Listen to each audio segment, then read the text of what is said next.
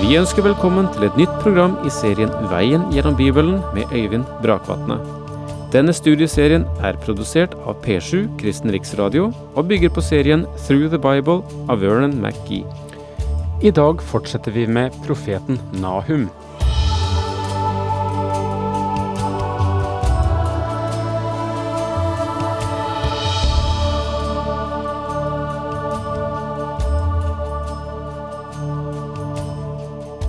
Navnet Nahum betyr trøster.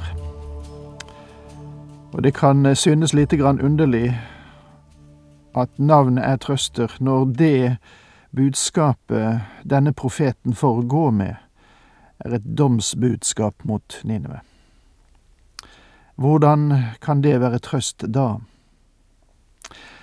Ja, det spørs fra hvilken side du ser det.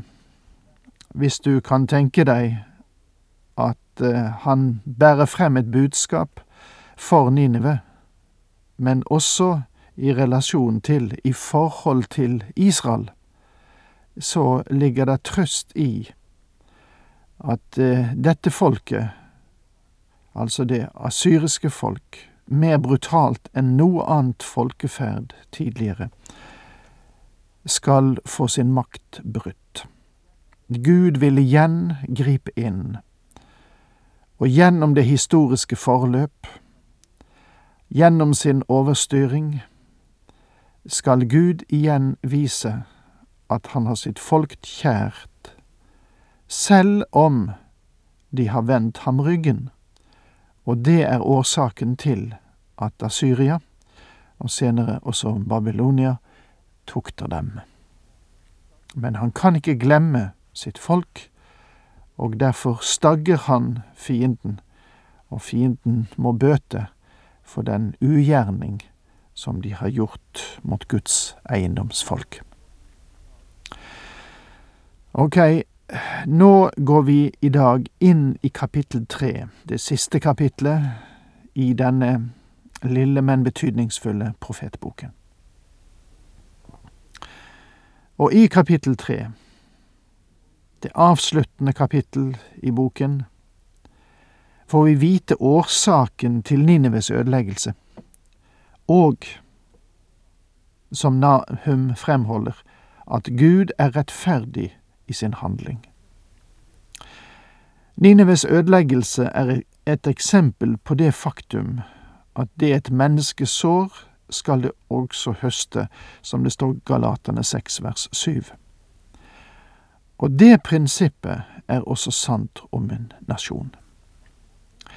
Leser du Bibelen med ettertanke, vil du se at Gud på mange måter behandler individer og folkeslag på samme måte. Mange litterære kritikere har i dette tredje kapitlet funnet den mest maleriske beskrivelse av ødeleggelsen av en by som man kan tenke seg.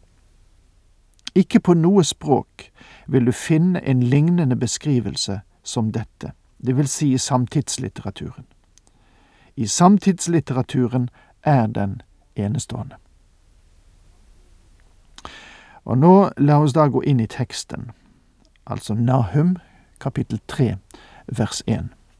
Ved den blodige byen, den er full av løgn og vold, aldri holder den opp å røve. Vi får her et bilde av de indre forholdene i byen Ninive. Ved den blodige byen. Ninive som hovedstad i Asyria var kjent i den gamle verden for sin hårreisende brutalitet, sin blodige holdning til mennesker. De var fryktet og hatet av andre nasjoner. Den asyriske hæren selv om den beveget seg relativt langsomt, var som en tornado som rykker med seg alt på sin ferd. Som jeg har nevnt tidligere, så vitner historien om at hele bygder eller bysamfunn begikk selvmord fremfor å lide under asyrernes brutale angrep. Den er full av løgn og vold. Asyria var en nasjon man aldri kunne stole på Asyria var ikke trofast mot de løfter det ga andre nasjoner om å hjelpe dem og beskytte dem. Jeg har en frysende følelse av at dette kunne vært beskrivelsen også av vår vestlige, moderne verden. Mens vi på den ene siden roser oss av vår tale og trykkefrihet, kan vi undre oss på hvordan vi benytter den, om det vi får ikke mer er et uttrykk for propaganda enn for kjærlighet til sannheten. Det virker mer enn tvilsomt når det, når det primære for at norske politikere også skal lykkes, er at de gjør seg i media. Det er ikke lenger slik at alt annet må stille bak sannheten. Det er heller slik at sannheten må stå bak det meste som ellers skal fram i vårt samfunn. En av årsakene til at Gud dømte Ninive, var at den var full av løgn og vold. Det var dette som karakteriserte livet i denne byen. Si meg, når vi ser på våre hjemlige forhold, kan vi da med hånden på hjertet si at dette passer ikke på oss? Eller må vi med sorg erkjenne at det er i denne retning våre byer og tettsteder også er på vei? Når jeg først begynte å granske profeten Nahum, så var det nesten som jeg stilte spørsmålet, ærede profet, er det oss du taler om? Du gir et levende bilde av Nineve, men er det også et bilde av den nasjonen vi er, eller om få år vil være? Både Jonah og Nahum forteller at Gud handla med hedningefolkene, og at han også gjorde det i Det gamle testamentet. Disse profetbøkene viser også at Guds styringsmakt beveger seg gjennom menneskets utøvelse av makt. Gud vil i dag overstyre menneskets synd. Han vil overstyre en nasjon. Når du vandrer ned gjennom historien, ser du store sivilisasjoner, den ene etter den andre smuldre til støv og bli til en ruin. Hvorfor? Fordi Gud dømte dem, mine venner. Det er årsaken. Vårt folk er like lite som andre folk Guds spesielle yndlinger. I så måte har bare Gud utpekt seg ett folk blant nasjonene som sitt eiendomsfolk. Men som nasjon betraktet er vi ikke mer spesiell enn andre folk. Av og til tror vi at vi er det. Vi lever i en trygghet som kan vise seg å være en falsk trygghet, fordi Gud også bøyer nasjoner, og det gjør han tindrende klart gjennom det budskap som profeten Nahum forkynner. Hør svepesmell og larmende hjul, galopperende hester og slingrende vogner. Nahum gir oss her en grafisk beskrivelse av disse vognene. Det er som armerte tanks. De var den gamle verdens svar på stridsvognene. Når de kom innenfor en bymur, kunne de høre lyden av svepene fra kjørerne der de drev fram sine hester. Du hørte skranglingen av hjulene og alle lydene som hører med, av larmende hjul, galopperende hester og slingrende vogner. Vognene rullet overalt, spesielt over døde kropper. De første to versene i dette kapitlet beskriver de interne forhold i Nineve. Løgn og vold markerte denne kulturen og selve livsatmosfæren i byen. Og det er årsaken til at de handlet som de gjorde mot sine ytre fiender. Deres brutalitet, deres totale likegyldighet for menneskeliv, deres maktmisbruk over alle andre.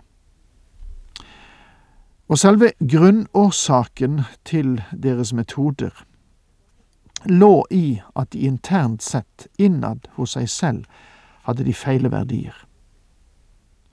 Du forstår at et menneske blir ikke en synder fordi det synder. De synder fordi de er syndere.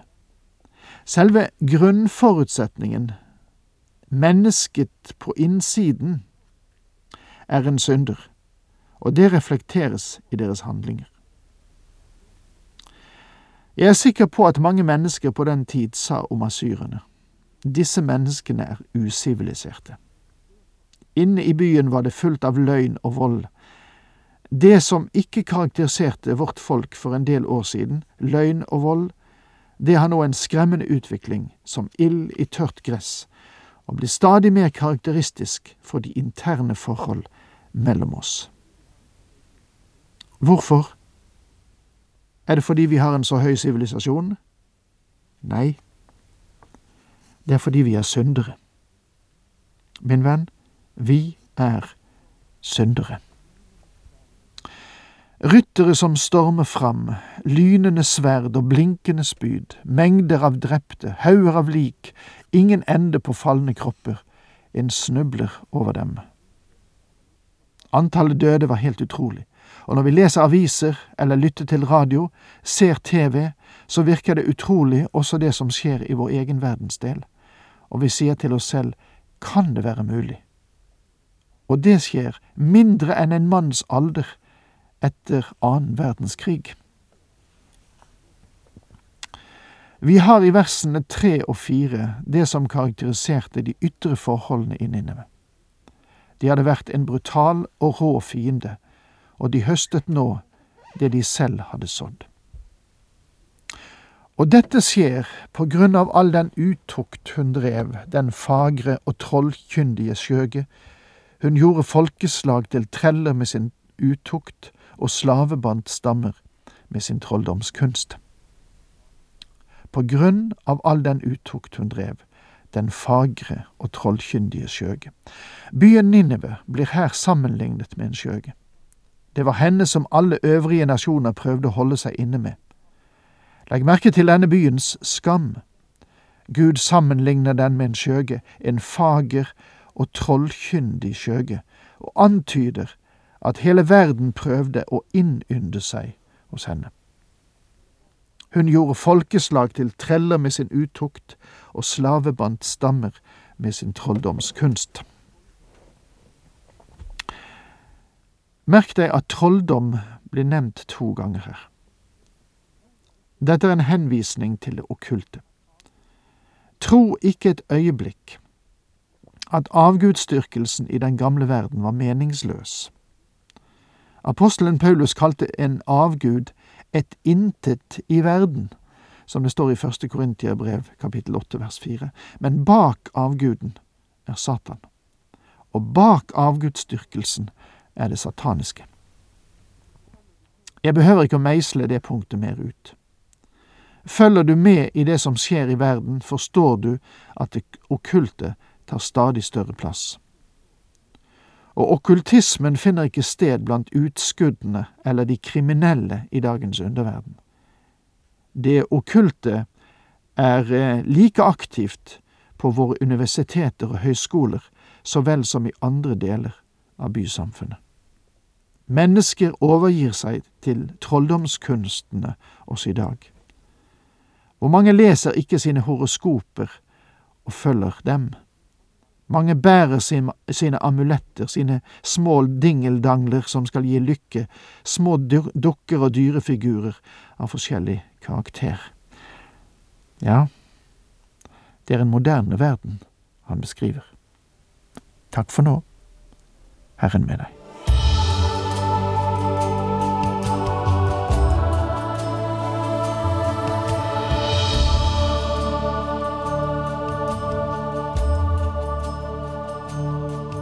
Du hørte Øyvind Brakvatne i studieserien Veien gjennom Bibelen. Serien bygger på et manus av Vern McGee. Har du spørsmål eller kommentarer til programmet, kan du sende en e-post til vgb krøllalfa p7.no. Takk for i dag, og på gjenhør.